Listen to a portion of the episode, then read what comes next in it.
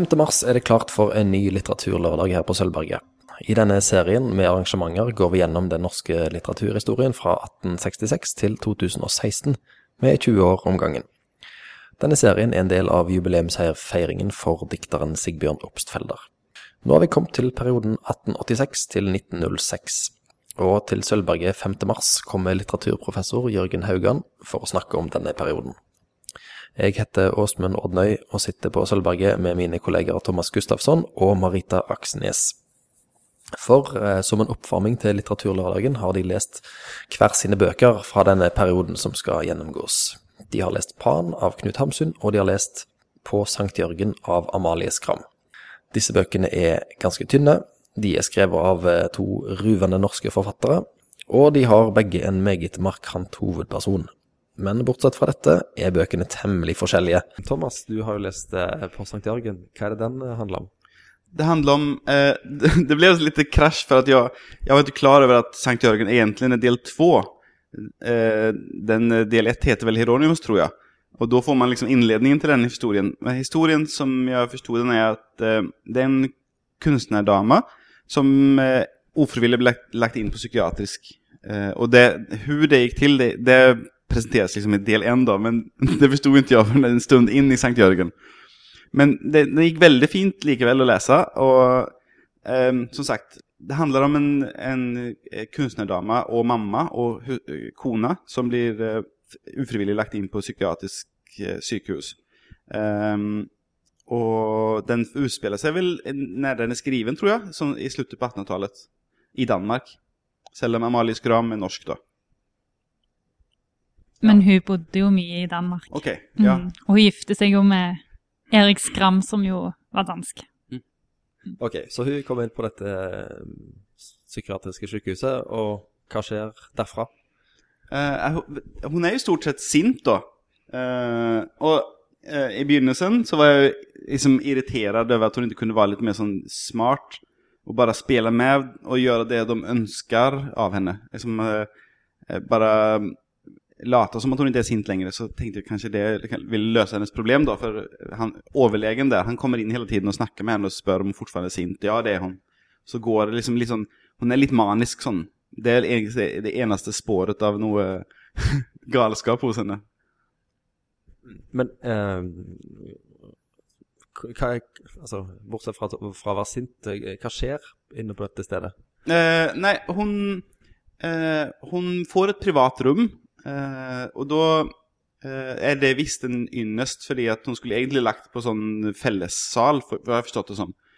Uh, det får man vite litt mer om senere i boken. Jeg vet ikke hvor mye vi skal si. Om vi skal fortelle slutten, eller, eller liksom, vi skal være liksom der, no spoilers. Men hun, kommer, hun blir liksom satt inn mellom to Altså de to naborommene, da. De, de skriker og hyler hele nettene og herjer veldig. Og hun er litt redd for dem, og eh, rett over gangen er det noen som også er bare sint. Og, så hun har det ikke så kjekt i begynnelsen. Eh, disse andre folkene du treffer, da, eh, hvordan er de? Eh, de, som er, de som er innsatte, liksom. Eh, de er ko-ko. det er liksom litt sånn der karik karikatyr av en, som en, den typen pasient er.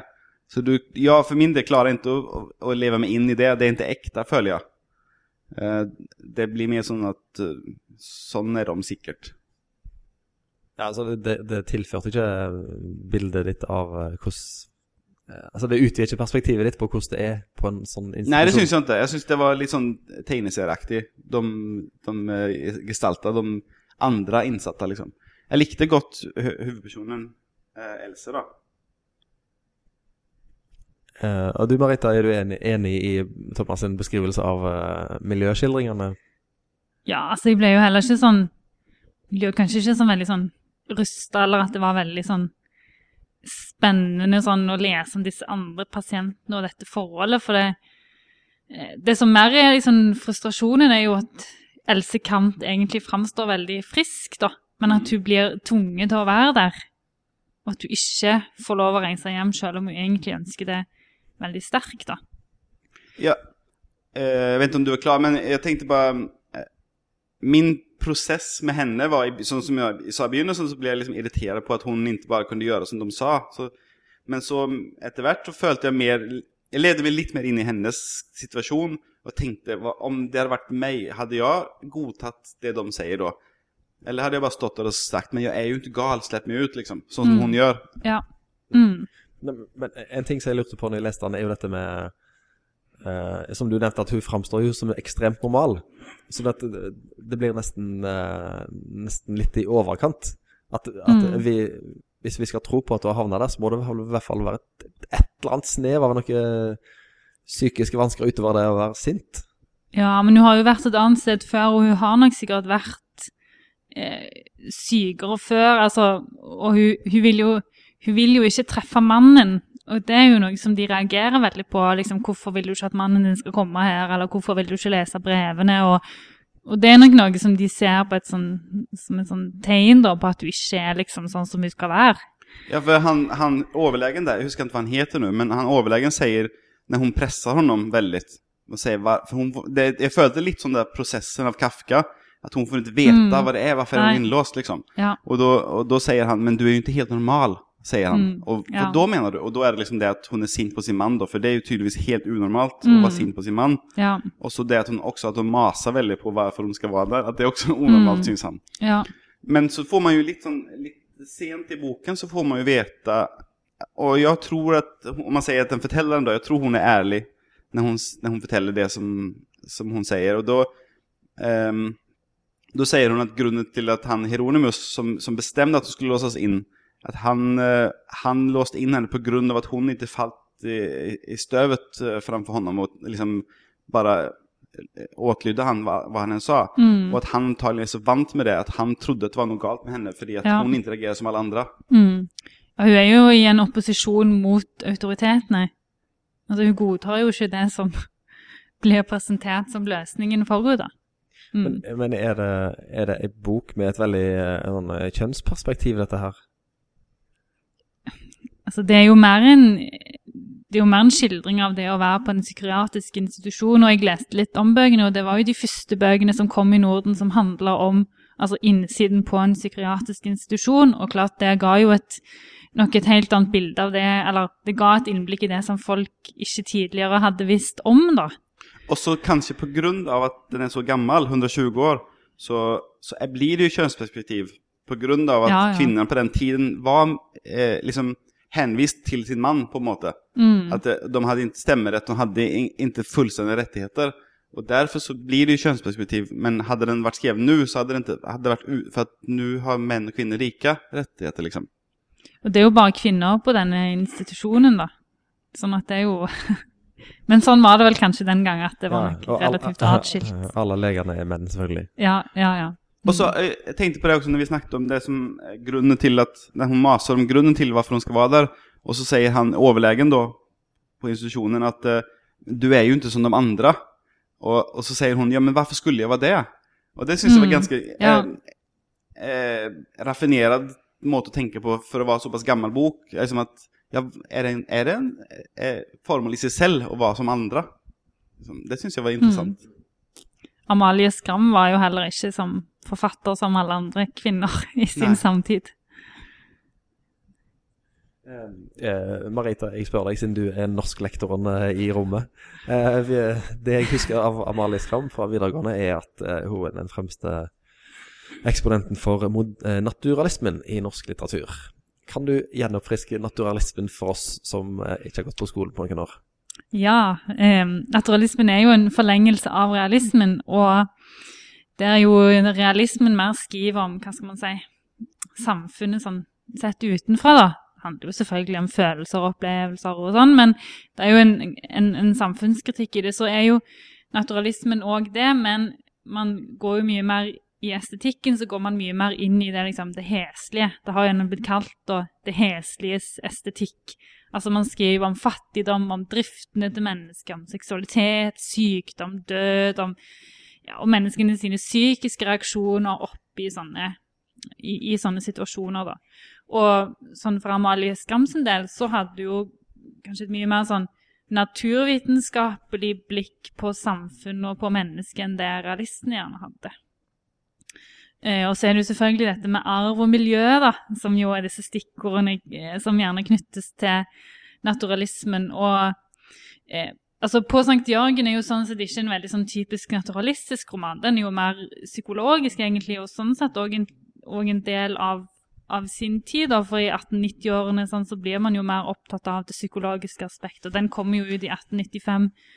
Men eh, ja, Thomas. Jeg bare, eh, Siden du sa det med arv og miljø, så, så eh, Et parti i boken handler jo også om det. Ja. Eh, At Mm. eh, eh, Som hun setter spørsmålstegn ved at man kan dømme noen pga. at eh, de kan finne noe i en, i en slekt. At du, eh, det, Ja, da sier ja, som ja, motargument at sikkert Mm. finnes noen som ikke var normale i din, i, i din familie lenger tilbake i Mm. tiden. liksom. Så det, det er jo et sånt, sånt Mm. spår av naturalisme. naturalismen. Ja, og det finnes jo mye sånn de detaljene og i skildringen av hvordan disse her andre pasientene er, og alt de finner på å gjøre, og liksom detaljene i eh, det innvendige, altså, eller hvordan det er inne på, på Sankt Jørgen, da. Men den store naturalistiske romanen til Amalie Skram er jo særlig Hellemyrsfolket, som i alle fall er veldig tydelig i dette med, med arv og miljø, og ja, jeg husker når jeg leste den første gang, så er jeg veldig sånn rysta over alle disse skildringene av fattigdom og alle disse ungene som dør, og ja, hvor fælt liksom det beskrives, da. Mm. Ja, for sånn sett skiller den seg litt kanskje ved det at eh, innsiden av en psykiatrisk institusjon har kanskje ikke forandra seg så mye heller som eh, på en måte de ytre livsvilkårene til folk. Altså dette med fattigdom og sånne ting. Altså, men innsida av et sykehus er jo innsida av et sykehus. Enten det er i 1890-tallet eller uh, Ja, 1980. iallfall til en viss grad. ja. Nå har ikke jeg vært på så mange psykiatriske institusjoner. jeg, jeg heller. Men har jo varit, eh, men og, liksom Jeg vet sånn cirka, men jeg tror at att eh, men om du er innlåst motvillig på et psykiatrisk sykehus i dag, Ja. og da blir det nok det samme, kan jeg tenke mig. Ja, og man har jo dette institusjonsdelen, da. Ja. Så, Om du er ufrivillig der, så er det noe kanskje lignende. kan jeg tenke meg. ja. Men det du sa med naturalismen så husker jeg når jeg leste bibliotekar og leste um, Jeg studerte bibliotekar og leste det første semesteret så var det veldig mye om sånne eh, teksthistoriske linjer og sånn. Og da husker jeg at det med naturalismen, det kjente jeg at det var absolutt ingenting for meg. For det, var, det det som du sa med det heslige og forferdelige. Men om det ikke blir mer forferdelig enn det, det der Sankt Jørgen var, da var det jo ingenting. For det er mye verre ting som skjer i bøker nå for tiden. ja, ja, men, Men, det dette er var jo mer interessant som et Ja. tids, eh, tidsbilde. Uh, ja. Mm. Jeg tror nok man finner mye grovere skildringer i, i, i litteraturen i dag enn det som man nødvendigvis fant i realismen, Mm. men den gang så var det jo noe nytt. Eh, Er dette et bra startpunkt for folk som vil eh, gå løs på Amalie Skram, eller bør en begynne andre plasser? Det er utrolig lettlest, syns jeg. Mm. Om du har litt Ja. sånn tolerans for eh, dansktendenser i språket. Jeg vet ikke om det finnes nyere oversettinger, kanskje. Men den som jeg leste, så var det noen, reagerer noen ganger på visse vendinger. Eh, sånn Men du er jo svensk. Ja, men jeg har veldig lett for Og min mormor er dansk. Ja, og, jeg og, jeg har bodd lenge her, så jeg, jeg har stor tolerans. Men det var noen sånn sammensatte uttrykk som de hadde tatt ifra hverandre og satt i annen rekkefølge. og sånt som jeg, jeg husker, husker vi snakket om Ja, det? det, det, sto- ja, eh, det står ofte uh, vedblev, og, Ja. og ble ved. Mm. Det, Ja. det har jeg lest. Uh, Eller, liksom, du, du må ha tolerans for at språket ikke er som, som det er. Mm. Ja. Men, Ja. det, det er veldig gøy med gamle bøker hvor de skriver uh, 'innbille seg ting'. Kan de dele opp til å bille seg inn? Ja. ja, det gjorde de. Ja. Ja. Må ikke Ja. du bille deg inn at uh, du skal få pizza i kveld? Stemmer. det er veldig gøy. Ja. Men jo, jeg syns det. For min del i hvert fall. Og, men, men som sagt, begynn med den Hieronymus, da. Del Ja, ett. det, del ett. Vi må ta litt selvkritikk på at det var kanskje et litt lite gjennomtenkt valg. I iveren etter å ha med Amalie Skram. Ja. Nei, men eh, både men Og veldig Hellemyrsfolk er jo tunn, tunn bok. Ja. Altså, veldig Mm. lettlest. Så Ja. ja. Og ekteskapsromanen er jo òg et eh, Altså, Forrådt er jo en klassiker. Mm. Eh, til slutt, hvordan vil dere sammenligne denne boka her med, med andre dere har lest, uh, som handler om psykiatriske institusjoner? Thomas, du er jo veldig glad i Beckomberga av Sara Stridsberg. Ja. Tilfeldigvis så ligger den her. Nei, uh, ja, jeg syns den Jeg likte den veldig. Altså, det er jo Jeg vet ikke om jeg svær i kirken, men det er jo en bedre bok Det er jo en helt annerledes bok òg. Eh, men som vi, jeg og Åsmund snakket litt innan vi begynte her, så får man nog ha en viss tolerans med, og som forståelse for at eh, den er 120 år gammel, den andre boken, og eh, med visse konvensjoner kanskje som man var nødt til å holde seg til og sånn, mens nå så kan man jo skrive akkurat som man selv vil. Begge to er jo mer eller mindre selvbiografiske.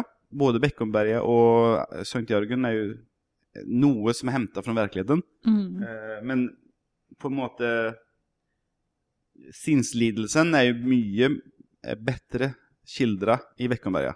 Der blir du grepen av de Mm. personene, liksom. Ja. Mm. Men det er jo en helt annen forteller òg. Altså, i, i, på St. Jørgen så er det jo mer sånn Altså, Man ser det gjennom denne her tredjepersonsfortelleren, men her i Beckomberger så er det jo en, en jeg-forteller som ikke har vært innlagt, men som man ser det gjennom et barn sitt Ja. blikk, og det blir jo mye sterkere på en helt annen måte. Ja.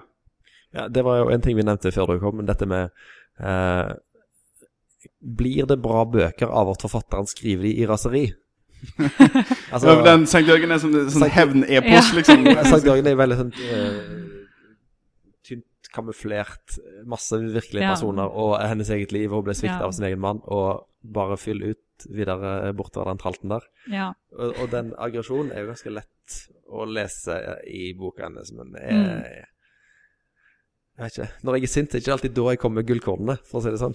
Men om man, jag, jag, syns vi, snak- vi blev ju ganska, vi blev lite oeniga Åsmund innan du kom. För jag likte nog den boken bedre bättre och jag har lättare för att se över de svagheterna som den har. Om man klarar det så syns jeg man kan se ensamheten och maktlösheten liksom som hon føler då. Mm. Och at Ja. den er skrevet av en kvinne for 120 år siden i Norge. Det er ganske stor bragd syns jeg. Mm. At hun fikk ut den og at, Ja. ja. Mm. Ja, nei, men jeg kan være enig i det. Altså, det er jo Ja, klart Det er jo sånn noe med at Men klart, den holder seg jo, fordi den gir jo et innblikk i, i hennes tilværelse og det derne Ja eh, Hennes opplevelse av å være maktesløs da, i, sitt, i sitt eget liv, da, som jeg tenker må være en ganske fæl følelse. At du at noen mener at du er syk, og så føler du deg egentlig Mm. I dag er det kanskje mer omvendt, da. Mm. Jeg vet ikke. Ja. At man, at man liksom Man ser på seg sjøl som syk, og så Nei, men du er jo helt frisk, og gå hjem og ta deg en joggetur og Toleransen er så Ja. eh, ja, Ja. Jeg tror vi går videre fra Amalie Skram over til den andre boka som vi har eh, lest, eh, nemlig 'Pan' av Knut Hamsun. Em, Marita, forklar kort den ytre handlingen i 'Pan'. Ja, det er jo et godt, et godt spørsmål. Nei, men Det handler jo om løytnant eh, Thomas Glan, da, som tenker tilbake på denne her sommeren da, som han tilbrakte i, i Nordland, altså på Sirilund, som er et sånn handelssted på Skjæringøy, rett med Bodø. Og året er 1855, og her driver han liksom med jakt og fiske og bor i denne hytten og lever veldig i pakt med naturen. Og så innleder han jo selvfølgelig da et kjærlighetsforhold til Edvarda Max, som er datteren til kjøpmannen her. Og, men han har òg en slags relasjon til Eva, som han først tror er smedens datter, men som viser seg å være smedens kone. Og da blir det litt sånn intriger her, da. Klassisk feil. Klassisk feil, ja. Og så, men så har man jo altså Det er jo liksom den fortellingen han tenker tilbake på, men så har man jo òg en epilog som er eh, av løytnant Glans brev, da, sant, som der man forteller om hvordan løytnant Glan dør under jakt i India. Som jo er en sånn Så det er på en måte to, to rammefortellinger, da. Sånn, så det er en litt sånn Det er jo på sånn sett en, en modernistisk roman da, i det fortellertekniske, fordi man vet jo egentlig aldri hva som faktisk har skjedd, da. Ja. I, I forberedelsen til denne sendingen her, så, så googler jeg jo. Det er jo det han alltid gjør. Og Hamsun er jo sikkert vår mest eh, diskuterte romanforfatter. Og Pan og er vel en av de mest diskuterte bøkene hans. Mm. Folk driver og krangler ennå om, over hva han egentlig mente, og eh, hva ting betyr, og symbolismen og det hele tatt. Mm. Eh, men, men kan han leses bare sånn uten å ha noe eh, interesse av disse lagene i, eh, i romanen? Så man kan jo bare lese fortellingen om Glan når er på, på dette handelsstedet det som skjer og sånn. Men klart det er mye sånn naturlyriske skildringer og mye sånn, hva skal man si, poesi i, i teksten. og og mange lag, da, så er det sånn disse her to fjørene sant, som man først får i starten, og som man kommer tilbake til han i posten. Og så er det jo hele veien denne myten om de drikker Iselin som man viser til, og så er det jo Pan, og det er jo mye sånn mange lag som ligger der, da, som gjør at det er jo ikke en roman som du bare kan Du ikke bare skumlese den og så si at den handler om det. Fordi at det er så mye sånn Du får egentlig lyst til å lese den en gang til når du har lest den. Det, jag, Fordi at du må gå litt på jakt etter alle disse her sporene. Jag, jag, läste, jag har läst den, eh, jag har inte läst den nu till detta, jag läste den eh, för många, många år sedan. Jag flyttade till Norge, för jag tror det var 16-17 år sedan jag läste den. Eh, och jag blandar lite med mysterier. Eh, det med, jag blandar lite sån handling, men jag har läst nog båda de böckerna helt platt utan någon analys alls. Ja, ja. Och det går. Ja, men, ja, det går Men du får ju inte liksom nå ut av det. Det blir som mer sånn att du, ja. Mm. Om du er litt analytisk tilnærming, så kanskje du får litt mer ut av det. Ja. Mm. Og det er jo sånn i starten sånn, så sier han jo ja, jeg skal fortelle om denne om disse dagene, og jeg vet ikke om jeg har opplevd det, eller om jeg har drømt det. Altså, man, man kan jo overhodet ikke stole på denne, denne jeg-fortelleren, da. Hva han egentlig vil med denne fortellingen, og hva som egentlig er Nei, for her er det jo en, eh, interessant å sammenligne det med, med eh, på Sankt Jørgen, hvor jo eh, fortelleren står veldig sånn skulder med skulder med denne plaga Mm. Else i hovedrollen, mens eh, den som forteller eh, Pan, han satt i hvert fall jeg med en følelse, han springer bare rundt i sirkel rundt meg og ler. Altså, han er ikke til å stole på i det hele tatt. Han hiver jo faktisk uh, Glan rett i elden for han, han forråder förråder jo totalt i slutten, liksom, husker jeg, med, med de brevene breven och. Ja, ja, ja. Mm. Så det er jo ganske morsomt. Ja. ja, nei, de er veldig ulike sånn rent uh, fortellertekniske. Men det betyr kanskje ikke at man kan stole på alt hun sier? Författaren, äh, i Skram da? eller Amalie Skram. Nei, nei. Sant? Det, er jo ikke sant at det er jo ikke sikt hun er ærlig for det om hun Nei, nei, overhodet säger att hon ikke. det. Nei. Eh, Det, det handler om denne løytnant Glan som er oppe i Nord-Norge og, og bor i hytta si og, og treffer folk. Hvordan vil du beskrive han som type? Jeg tenker han er han, er, han vil nok framstå, ser jeg for meg, litt sånn Altså, han kommer jo som løytnant, så han har jo eh, vært i militæret, og så kommer han opp til denne her nordlandsnaturen og skal leve i pakt med naturen og være en sånn naturmann. Eh, tenker Han vil nok framstå litt sånn mystisk, samtidig som han jo er altså Man klarer jo helt aldri å være i disse her sosiale settingene og Ja Litt sånn uforutsigbar og litt sånn Ja, jeg vet ikke. Får liksom aldri helt tak på han. Litt sånn Ja. Men, men tydeligvis veldig tiltrekkende. Ja, det må han jo åpenbart være, men han er jo løytnant, og han er jo i liksom, 30-årene, så han kommer opp der og skal leve i pakt med naturen og jakt og fiske, så Nei, det er ikke så lenge siden jeg så den restaurerte Pan-filmen, så liksom, du sitter litt med bildene av den filmen, da, Ja. når du leser romanen, Ja, det tror jeg Ja. litt skade for min del. Ja, For jeg, jeg, jeg tenkte tilbake på disse oversminka folkene i litt sånn stakkato-film. Og Ja. jeg leste boka, og det eh, Denne mye omtalte nyromantikken forsvant kanskje litt mm, ved å se filmen. Jeg Ja. Eh, ja. Kan du si litt om den tradisjonen denne boka er skrevet inn i, sånn stilmessig?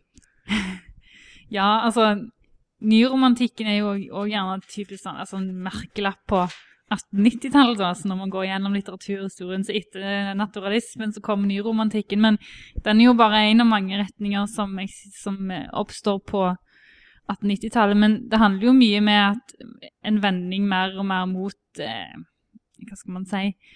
Mot følelsen og stemningen og det mystiske og de naturlyriske skildringene, og vekk fra det der samfunnskritiske. Det er ikke så veldig mye samfunnskritikk i Pan sånn på den måten som man kjenner fra realismen. Og eh, ja, nå holder jeg på my mye med Sigbjørn Obstfelder, og han er jo i et sånn nyromantisk landskap. Da. Det er jo sånn særlig Wilhelm Krag sant, som er den store nyromantikeren. Men, eh, men både modernisme og symbolisme og sånn eksisterer jo side om side med nyromantikken. Men det går jo selvfølgelig en tråd tilbake til romantikken, da. Derfor det heter nyromantikken. Eh, Hvorfor har han kalt han Pan, tror du? Ja, hvorfor har han kalt han Pan? Altså, Pan er vel denne skogsguden, da, så det er jo selvfølgelig noe eh, mytisk over det å kalle romanen for Pan, da. Og så Det er jo dette liksom, er det drøm, er det virkelig, hva er det egentlig som har skjedd, og ja Men jeg vet ikke. Han hadde en bra sti med titler der, altså med Mm. Sult, mysterier, pan. Ja, Altså, ja, ja. absolutt. Det er sånn Jo Nesbø, han har bare ett et ord Ja, på alle ja. Harry Men Hole-bøker. det er morsomt at han gjorde sånne tekniske, forfattertekniske ting redan så tidlig. Uh, Ja. det, ju, det vet ikke jeg om at det har skjedd innan. Men eh, Hamsun er, er jo på sett og vis en tidlig modernist? Ja. med Sult som kom i 1890, og så kommer Pan i 1894, og den er jo liksom modernistisk i, i det fortellertekniske, da. Men så beveger jo Hamsun seg mer over i en sånn realistisk fortellertradisjon. Så Men der er jo, man er jo mye opptatt av psykologi òg på denne tiden. altså Freud har jo kommet med sine teorier, og særlig Hamsun er jo veldig opptatt av det. Holder jo forelesninger om det. Om eh, sjelslivet og Ja, ja. og men, mens Skram kanskje var mer på sånn Nietzsche-sporet, men sterkeste Mm. rett og Ja. eh, Mm, livet er en kamp. Ja. Ja. Mm. Um, hva, hva var det som gjorde mest inntrykk på deg når du leste Pan nå? Har du lest den før? Du leste Jeg har ikke lest den før for lenge siden, men da, jeg tror ikke jeg helt og bare leste den, og så skjønte jeg ikke helt hva var det med dette.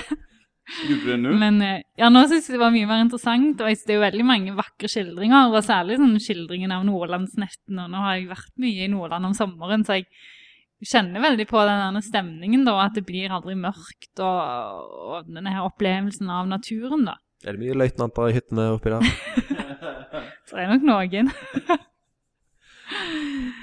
det, er jo en, det er jo en sånn landskap som er veldig sånn Det innbyr jo til mye refleksjon og ja. Veldig vakkert. Er dette et bra startsted hvis du skal gå løs på Hamsun? Jeg tenker Det kommer jo litt sånn an på hvilke deler av Hamsun du vil gå inn i. Første jeg leste, var jo Sult, da når jeg studerte nordisk. Um, men som jeg òg syntes var utrolig plagsom å, lese, for jeg ble så irritert på denne jeg-personen sånn, som aldri liksom får gjort noe. Sant? Det er liksom bare en sånn naging over liksom sånn små detaljer hele veien. Ehm, men jeg, jeg, har ikke Thomas, du har lest mer Hamsun enn meg. Ja, jeg vil, jeg vil jo eh, rekommendere Markens Grøda. Eh, den, det er jo egentlig Jeg vet ikke, jeg kan jo ikke så mye om sånne der eh, eh, linjer og sånt. Men, den kommer jo mye seinere. ja, Mm. eh, men, men jeg vet ikke hvilken sånn, eh, genre den tilhører på, liksom. Men som bok er det jo en klassisk fortelling. Mm. Eh, liksom. Ja. Og de der eh, det där som Hamsun brinner för att han, och som, satt, som kanske gjorde att han fick problem senare, är att han hatar engelsmännen för det det var de som satte igång industriella revolutionen. Så boken handlar ju om att en riktig man bor ute i skogen. Han, han bygger sin egen gård, han finner en plats mitt ute i skogen och startar sin eget liv. Liksom. Det är så borde alla göra. Och, eh, det, det är väldigt centralt i den boken där. Det är, som, det är som väldigt representant för hela Hamsuns liv, liksom, tycker jag. Så, Mm. Och så är den också en söt fortelling, tycker jag. Ja. Jeg må jo bare innrømme at jeg har ikke lest Markens grøde, men Fy! det står på, det står på listen. Ja. Ja, Den lange listen over bøker man skulle ha lest. Ja, og hvis noen skal ha glemt det nå, så er altså grunnen til at vi snakker om Amalie Skram og Knut Hamsun, er at 5. mars så er det litteraturlørdag på Sølvbergen, hvor årene 1886 til 1906 skal gjennomgås. Blant annet med vekt på et toppmøte mellom Ibsen og Hamsun. Er det riktig, Marita? Ja, det stemmer. Fordi Hamsun reiser jo rundt med dette foredraget sitt om det ubevisste sjeleliv. Og han utfordrer jo veldig Ibsen, da, sant, og den tradisjonen han sto for. Så de, det skjer et sånt toppmøte da i 1891 der de visstnok treffes, og ja. Men dette skal Jørgen Haugan fra Københavns universitet fortelle mye mer om, for han Ble det, ble det utveksla slag? Fornærmelser? ja, det var eh, sikkert Fornærmelser vil jeg tro det i alle fall ble utveksla, men neppe så mye slag. Men, eh, men han skal òg fortelle mer om, om Pan, og, og i, i dansk litteratur så snakker man jo om det sjelelige gjennombrudd om litteraturen på 1890-tallet. Mm. Og så har man det moderne gjennombrudd om den realistiske tradisjonen, da. Mm.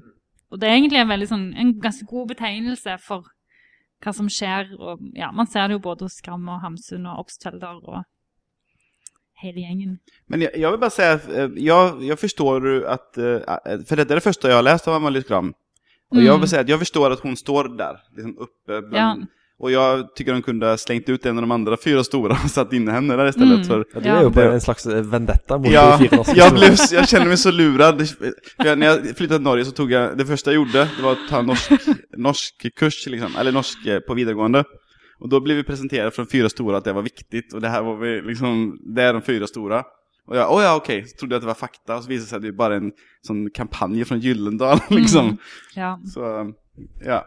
Ja, de ti bud er bare en kampanje fra Gud, så ja så, det står alltid et Amalie Skram PR-geni bak. det.